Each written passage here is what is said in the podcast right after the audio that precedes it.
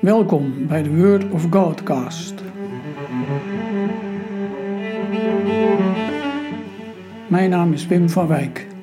In deze podcast hoor je elke aflevering een meditatie over een Bijbeltekst, afsluitend met een kort gebed.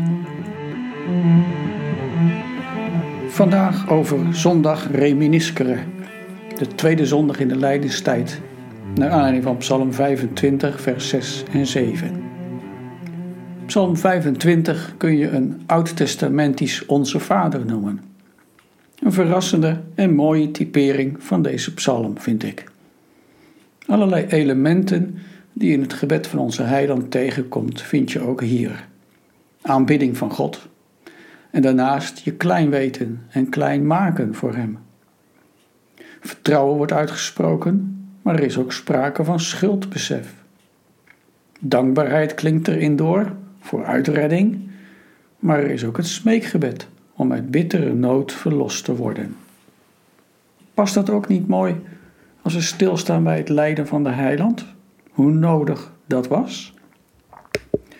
In de versen 6 en 7 lezen we: Denk aan uw barmhartigheid, Heer.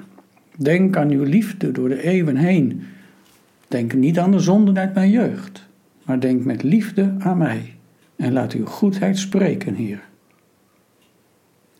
Gedenk, denk aan, dat is de vertaling van het Latijnse woord reminiscere. En dat woord komt uit Psalm 25. Heer, gedenk uw barmhartigheid. Een diep Bijbels woord, gedenken. Het is de beweging van God naar de mens toe. Tegelijk is er ook de gang van de mens naar God, als deze gedenkt.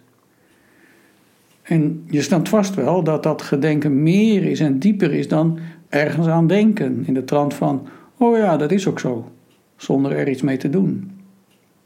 Van God uit is het juist denken en doen. Als we in de Bijbel lezen dat God zijn verbond gedenkt, dan is het niet van, oh ja, dat is waar ook. Als hij eraan denkt, dan zet het hem aan om iets te doen. Dan komt hij in actie. Er volgt redding uit de nood. Een exodus uit de slavernij. Een terugkeer uit ballingschap. Een kruisoffer als verzoening van zonden en overwinning op de dood. En wij mensen mogen bij God appelleren: Heer, denk toch aan uw barmhartigheid. En denk alstublieft niet aan de zonde van mijn onbedachte jaren. Als je een beroep doet op God, als je hem vraagt Heer, leer mij uw paden te gaan, zoals het gebeurt in deze psalm. Maak mij vertrouwd met uw weg, wijs me die. Heer, naar u gaat mijn verlangen uit. Als je dat doet, dan rijst zomaar de schuld op. En moet je je eigen overtreding onder ogen zien. Daarom klinkt het ook tot drie keer toe. Denk niet aan de zonde van mijn jeugd. Vers 7. Vergeef mij, Heer, mijn grote schuld. Vers 11. Vergeef al mijn zonden, vers 18. En dan is er ook maar één uitweg: de barmhartigheid van God. Dat is de enige escape om te ontkomen aan de straf. In de tijd naar Goede Vrijdag en Pasen toe staan we stil bij onze nood.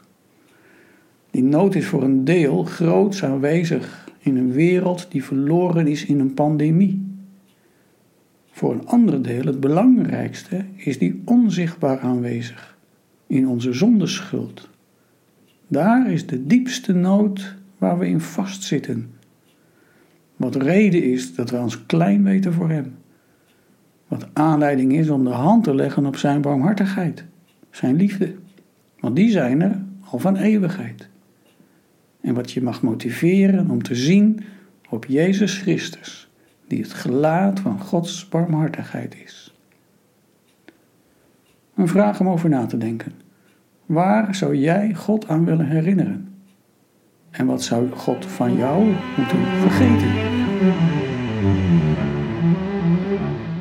Als gebed gebruik ik de tekst van de berijming van Psalm 25, het derde vers.